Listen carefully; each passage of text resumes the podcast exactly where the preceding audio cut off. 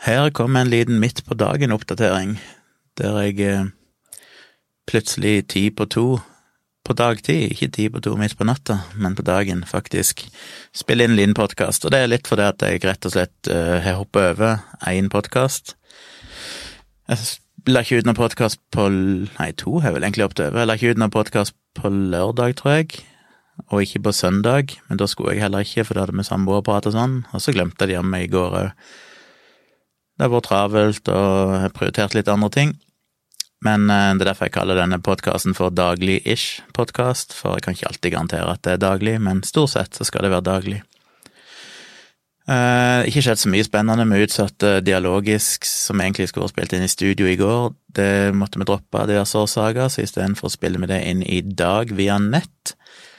Så hvis dere hører denne podkasten tidsnok, så går det an å følge livestreamen på facebook.com slash dialogisk eller youtube.com slash dialogisk klokka fem i dag, tirsdag 16. juni. Eh, og en av tingene vi må snakke om der, er dette med ja, denne her eh, tweeten til JK Rowling, som vi diskuterte litt i forrige episode, som eh, ble litt dårlig håndtert. Vi hadde litt for lite Satt dere litt for lite inn i det. Jeg håpte jo når jeg kasta fram på dette spontant, så trodde jeg jo egentlig at Dag hadde lest og fått med seg, sånn at det skulle bli en liten diskusjon om det, men han visste jo ikke hva det handla om. Og så ble alt egentlig bare litt sånn maltraktert. Så jeg tror vi kommer til å ta opp igjen det nå, bare for å ja, rydde litt opp i et uh, kanskje feilinntykk som ble gitt. Pluss at jeg tipper vi kommer til å snakke litt om uh, noen som tipsa meg om den siste episoden til, til Sam Harris sin podkast. Der han snakker litt om dette med rase og politivold og amerikanske problemene de har nå. Og så kom Dag og sa at jeg måtte høre den episoden, for han syntes den var jævlig bra. Så jeg begynte å høre på han. Det minner meg på at jeg må huske å høre den siste halvtimen, som ikke jeg rukket ennå, før innspillinga. Men det blir sikkert litt prat om den. Jeg er ikke kanskje like imponert som Dag, eh, men eh, det blir iallfall et tema. Ellers så gjenger jo denne her 5G-debatten, og eh, i Stavanger Aftenblad på, jeg lurer på om det var på søndag, så hadde Einar Flydal og Ivar Mysterud en kronikk på trykk, der de ja, skulle overbevise om at 5G og mobilstråling var farlig. Og nå leser ikke jeg Stavanger Aftenblad, men jeg ble tagga på Twitter da noen påpekte det, og så hadde jeg først tenkt å ignorere det, ikke tenke så mye på det, for jeg fant ikke artikkelen med en gang, men så var det noen som sendte meg link til at den lå åpen på nett. Og da tenkte jeg at jeg må sjekke det ut. Og når jeg leste den, så syntes jeg jo det var såpass eh, Så syntes jeg det var såpass vilt at jeg måtte skrive et tilsvar. Jeg fikk akkurat en mail nå der de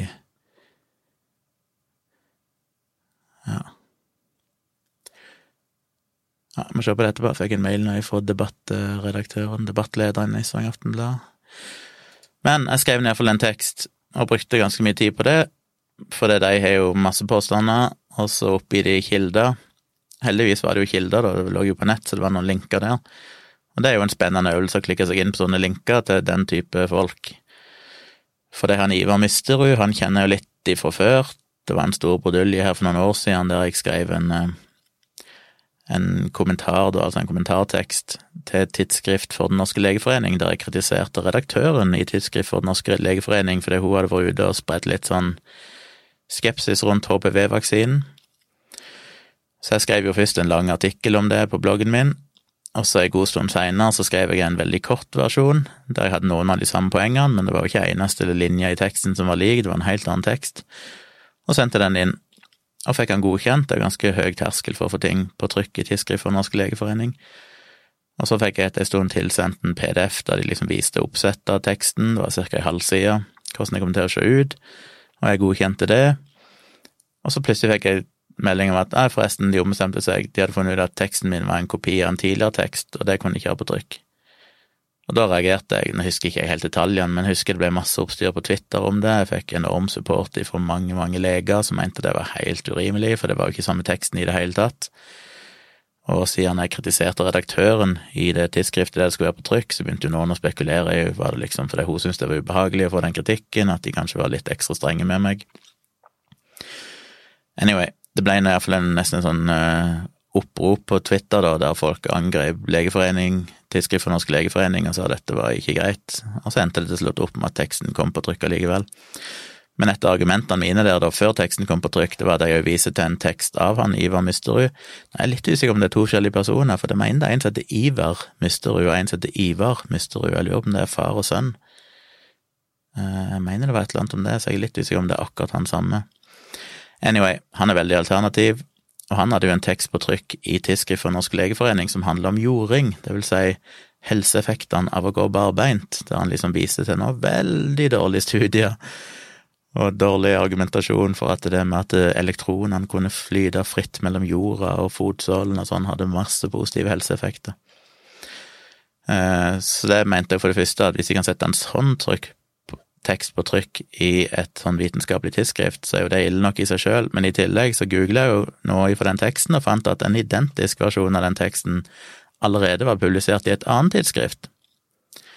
Så når de kan sette hans tekst på trykk, som allerede var publisert et annet sted, men da avviser min tekst på det samme grunnlaget, selv om min tekst faktisk ikke var den samme engang, det var bare litt av samme tema, så ble det enda mer absurd. Så de fikk i hvert fall masse kritikk, og endte til slutt opp med å ombestemme seg og sette teksten min på trykk, som er grunnen til at jeg blant annet finnes i PubMed. Hvis du søker på Tjomli i PubMed, så finner du en link til den artikkelen. Men han er jo da ikke spesielt troverdig, siden han kan promotere sånne ting. Og så er det Einar Flydal, som jo er den store guruen til stråleaktivistene. Han er jo en tidligere, han jobba innenfor telebransjen tidligere, eh, men er pensjonert nå. Men er via sitt liv nå, sin pensjonisttilværelse, til å advare mot mobilstråling og 5G, og har jo en blogg der han bare skriver om det. Jeg har jo tidligere hatt debatter med han i Dagbladet og sånn, der vi skrev kronikker eller leserinnlegg fram og tilbake, og vet jo at han er jo fullstendig upålitelig. Han mente vel òg at eh, den der hundesjukdommen som gikk her de var det i fjor eller i forfjor, det var så mange hunder som ble syke her i Norge, eller iallfall i Oslo. Han mente at det jo sikkert var mobilstråling, blant annet. Så det var de som hadde skrevet den teksten i Stavanger Aftenblad. Altså, jeg gikk inn og så på kildene, nå skal jeg ikke gjenta alt, for det får dere eventuelt lese i teksten den kommer, men det var verre enn det jeg kunne forestilt meg. Hver eneste kilde de viser til, er jo skrevet av de mest ekstreme alternativguruene som promoterer de villeste kurene og har null peiling på vitenskap og forskning, altså de er så upålitelige som det går an å bli, og de viser til en bloggposter der noen har gjort en analyse som er helt hinsides feil statistisk sett, som en ungdomsskoleelev hadde sett at de ikke henger på greip i det hele tatt. Det var bare helt, helt fascinerende. Så jeg skrev jo en tekst, og den ble jo på nesten 10 000 tegn, og så sendte jeg den, og regna med de kom til å reagere på lengden, men jeg hadde ikke stressa med å gjøre den altfor kort, i tilfelle de syntes det var greit nok hvis jeg skulle på nett. Men så fikk jeg svar tidligere i dag da de sa at ja, tusen takk, de vil gjerne ha den teksten, men eh, lengden på kronikkpapiravisen er bare 5000 tegn, så enten så kunne de bare publisere den lange versjonen på nett, eller så kunne de levere en kort versjon som de jo kunne ha i papirutgaven. Og det vil jeg jo aller helst. Det er jo greit å komme i papir òg, det er mange som bare leser papir, spesielt litt eldre folk og sånn, som ikke nødvendigvis ser på nettet, så det er fint å få det i papir. Eh, men det er samtidig grusomt å kutte en tekst så mye, nesten halvere innholdet. Men jeg tenkte det gjør jeg, jeg har gjort det før, jeg har ofte måttet kutte tekster som har vært på trykk i aviser og sånn, så det er jo en, det er jo en erfaring og en øvelse. Det er mye kill your darlings. Så jeg gikk nå hardt til verks på teksten og brukte en time eller sånn på å kutte den ned, det er en prosess der du begynner med å lese gjennom teksten, og så kutter du det som du er sånn ja, ok, dette er ganske greit å kutte, det trenger jeg ikke ha med. Så blir det vanskeligere og vanskeligere, for du sitter igjen med mer og mer sentralt stoff som du føler at dette burde jo vært med, for det er viktig for argumentasjonen. Og så er jo det å se, liksom, er det noe her som kan kuttes, er det noe plass jeg gjentar meg sjøl, kan jeg endre formuleringer sånn at de blir kortere, kan jeg trekke sammen ting? Så det er en prosess der du bare flikker og flikker og flikker og flikker, og til slutt så sitter du med en tekst som er lang nok, som forhåpentligvis fortsatt henger på greip. Så jeg sendte den inn og fikk svar nå at den eh, takker for det. Så jeg tror den kommer i avisen på fredag. Det vil si at den er tilgjengelig som e-avis allerede på torsdag kveld. Så kommer vel den lange versjonen på nett, og forhåpentligvis på torsdag. Eh, for jeg tror han ville ha den nett, nettversjonen ute før avisen, sånn at de kunne henvise til den i avisen. Papiravisen. Og så stilte jeg som krav òg når jeg sendte inn teksten, at jeg ville ikke at han Eller jeg håpet han ikke havna bak betalingsmur, for det har jeg jo opplevd en del ganger tidligere. Han bruker mye tid på en tekst, og så havner han bak betalingsmur, så du kan ikke dele den på Facebook eller noen plass, for det er jo bare abonnentene som får tilgang til den. Og hvis det da er en tekst som kanskje er i en regionsavis eller lokalavis, så er det jo relativt få som tilfeldigvis har abonnement der. Så det er noe dritt å bruke mye tid på en tekst du ikke får betalt for. Men jeg spurte ikke om betaling for dette, for her var det jo jeg sjøl som tok initiativet. Vet ikke jeg om det er vanlig å kunne få betalt. Ofte spør jeg om betaling hvis de spør meg om å skrive en tekst eller noe sånt. Da pleier jeg å spørre om honorar. Men her bare sendte jeg den. Jeg syns det er såpass viktig folkeopplysning at eh, noen må jo motsi de der sjarlatanene. Så jeg vil jo ikke en skal havne bak betalingsmur, for det er viktig for meg å kunne dele den, så jeg skrev det at hvis han havner bak betalingsmur, så forbeholder jeg meg retten til å publisere den i bloggen min, kanskje et par dager seinere, sånn at jeg får førsteretten på den, men så vil jeg òg kunne legge den ut seinere. Eh, og jeg mener at den teksten Jeg fikk iallfall tilgang til den teksten av Misterud og Flydal med den linken jeg fikk tilsendt, så jeg tror den òg lå åpent, selv om det kan ha vært en sånn spesiallinkeffekt, noen aviser har jo sånn at du kan dele en artikkel med andre via en spesiell link eh, x antall ganger og sånne ting.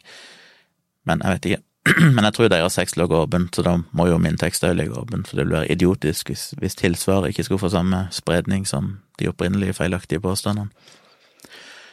Men det er jo gøy. Jeg kunne jo lagt ut i bloggen min, som sagt, men jeg valgte å heller sende det til avisen, fordi da treffer jeg forhåpentligvis de samme folkene som har lest den første teksten, og Stavanger Aften ble jo en ganske stor avis, så det får vel forhåpentligvis en del lesere, da. Det som er styr, er jo selvfølgelig at eh, hvis de da er med tilsvar igjen, og så er det jo liksom den greia gående. Men jeg føler meg jo såpass trygg på dette temaet og har debattert med de før at jeg vet at det de har å komme med, er ikke så veldig vanskelig å tilbakevise og svare på.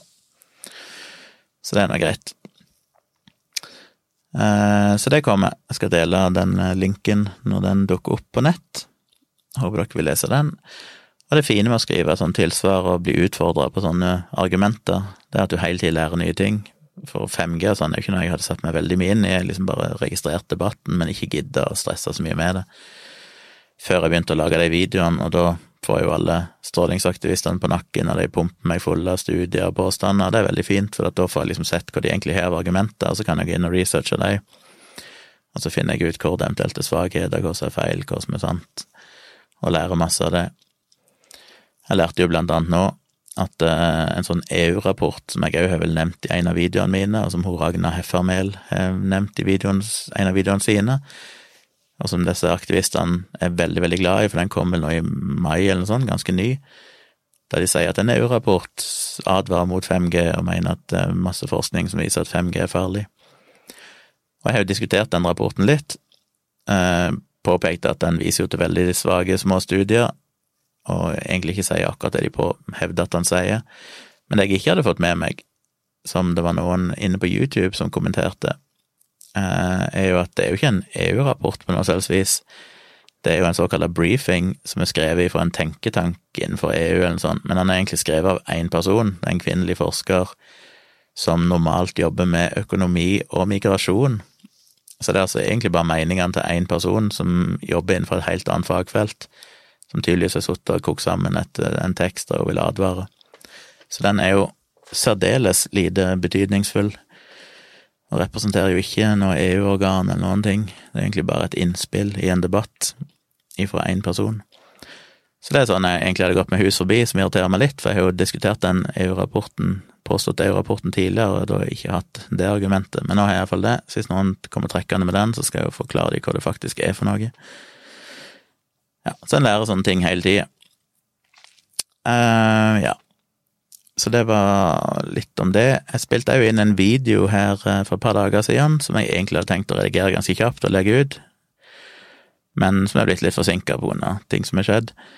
Men det er en type video jeg har lyst, lyst til å lage flere av, for der uh, når jeg leste placebo-defekten høyt, så ble jeg jo påminnet såpass mange gode eksempler og små historier og sånne ting som jeg syns er veldig illustrerende for å forklare forskjellige ting.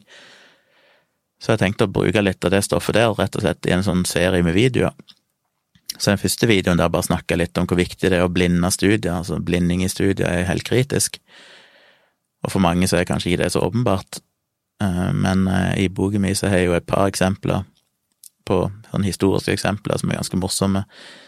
Og siden jeg har skrevet det i boka, så har jeg jo på en måte skrevet det i boka, må det jo være litt sånn enkelt å lese, så der har jeg jo skrevet det som historie, på en måte.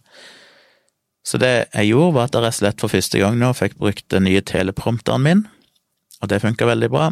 Litt knotete, men jeg kopierte den teksten ifra bokmanuset, limte det inn i en app på mobilen min, og så har jeg gjort forskjellige innstillinger som gjør at den teksten da vises på skjermen av mobilen og scroller sakte opp, jeg kan justere tempoet, og så putter jeg den inn i en sånn teleprompter som jeg monterer fram på objektivet på kameraet som filmer meg. Og en teleprompter er jo egentlig bare en, en boks med et speil som står 45 grader, som er en sånn, jeg vet ikke, det er et teknisk begrep, men det er et speil som bare virker for den ene sida, så den sida som går inn eh, i objektivet, den, der ser du ingenting, mens når jeg sitter og ser på objektivet, så ser jeg speilbilder av mobilen min som ligger på ei sånn lita plate under. Så mobilen min ligger flatt, og så ser jeg så det en 45 graders speil som går over mobilen, som da reflekterer det som er på skjermen av mobilen, opp foran linsa. Så jeg kan sitte og kikke rett inn i kameralinsa, og så scroller den teksten forbi, mens du ser jo selvfølgelig ingenting på det som blir tatt opp, for at eh, den andre sida av speilet, den er bare gjennomsiktig.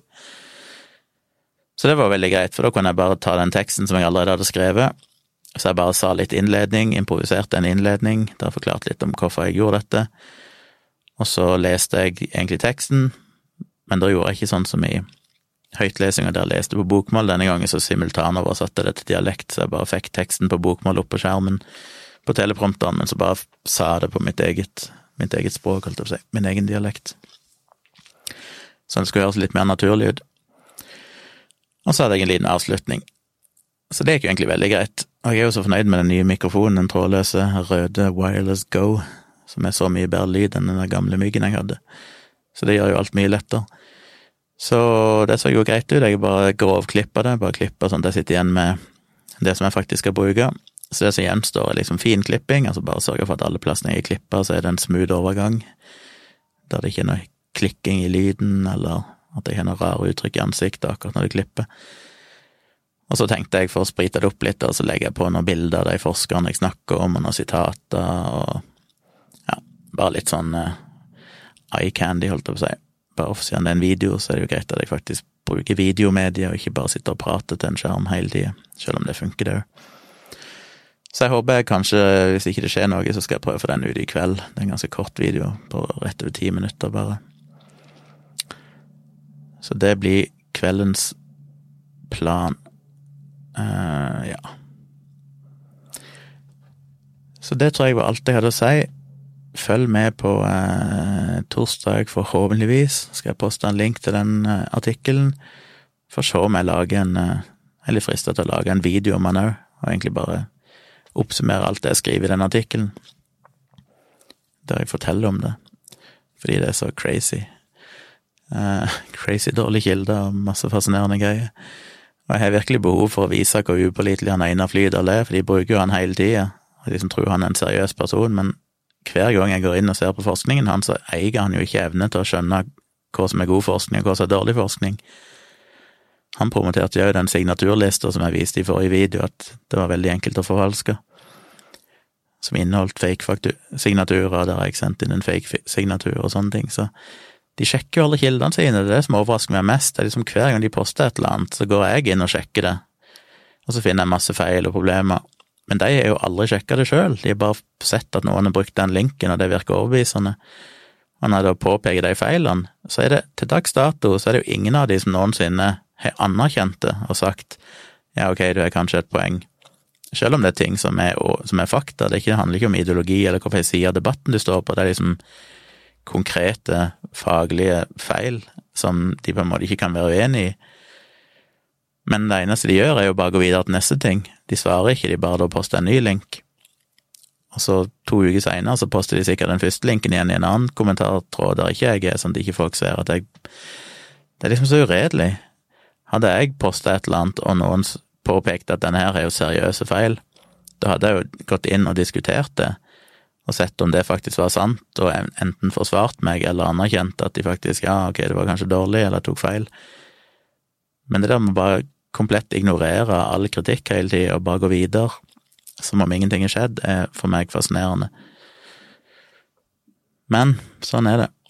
Det er det som er litt av problemet med internett, at du kan i gåsehøyde vinne debatter ved å bare være ha satt deg inn i, i ei side av saken der du liksom bare vet hvilke linker du skal poste for å vinne en debatt, og så virker det jo for 99 så virker det veldig overbevisende, fordi de sjekker ikke kildene sjøl. Og det er jo sånn Einar Flydal og den gjengen holder på. Skal liksom virke så saklig, bare drive og poste rapporter og linker til studier og sånn, men uten å i det hele tatt nevne hvor dårlig de er, eller nevne de studiene som viser det motsatte, eller til og med når de samme studiene er replikert uten at de fant samme resultat, så blir ikke det nevnt. Men folk flest har jo ikke muligheten til å sjekke sånt, og tenker ikke over at det er sånn det fungerer. Så det er det som er så jævlig skummelt. Så jeg føler jo jeg har virkelig fått uh, Det fine med Ragnar Heffermel og hele den debatten er jo hadde jeg fått litt gløden tilbake etter å ikke ha blogga på et par år, så har jeg jo plutselig fått litt gløden og til å drive med litt mer vitenskapsformidling igjen. Og det er jo veldig tilfredsstillende, selv om det tar veldig mye tid. Jeg merker jo det når jeg er samboer og hund, så er jeg kanskje litt fjern fordi at jeg blir så oppslukt i å, å jobbe med dette. Jeg føler bare ikke det er nok timer i døgnet. Jeg blir så irritert på at jeg har en eh, full jobb og må sove. For egentlig vil jeg bare sitte 24 timer i døgnet og bare sitte og researche og lese og sette meg inn i ting og prøve å formidle det på, en, på forskjellige måter, gjennom video eller tekst. Men jeg får bare prøve å finne en gyllen middelvei. Så det var iallfall dagens lille oppdatering. Husk eh, dialogisk live via nett klokka fem hvis dere hører dette tidsnok. Hvis ikke dere hører det tidsnok, så blir det jo fortsatt liggende både på Facebook-sida og YouTube noe så dere kanskje oppdager når som helst, eller høre den vanlige podkasten som enten dukker opp i kveld, hvis de rekker det, eller i morgen. Så kommer den som podkast, så tror det kan bli en engasjert episode, for jeg føler både meg og Dag har en del på hjertet angående de temaene vi skal snakke om i dag. Jeg må lese litt om Jeg fant noen Reddit-tråder der de diskuterte den siste podkasten til Sam Harris, og det er interessant, for det er mye folk som plukker ifra hverandre litt av forskningen han legger til grunn, og sånn, som er viktig å, å få med seg, så jeg må få tid til å sette meg litt inn i det før innspillingen av episoden, så jeg kan ta for meg de svakhetene. Ja, så sjekk ut det. Takk til nye patrons. Jeg eh, Ja, takk for at dere støtter meg. Og kom gjerne med innspill og meldinger til meg, og kommentarer og tips. Det setter jeg veldig pris på, som vanlig. Og så høres vi vel igjen da i morgen.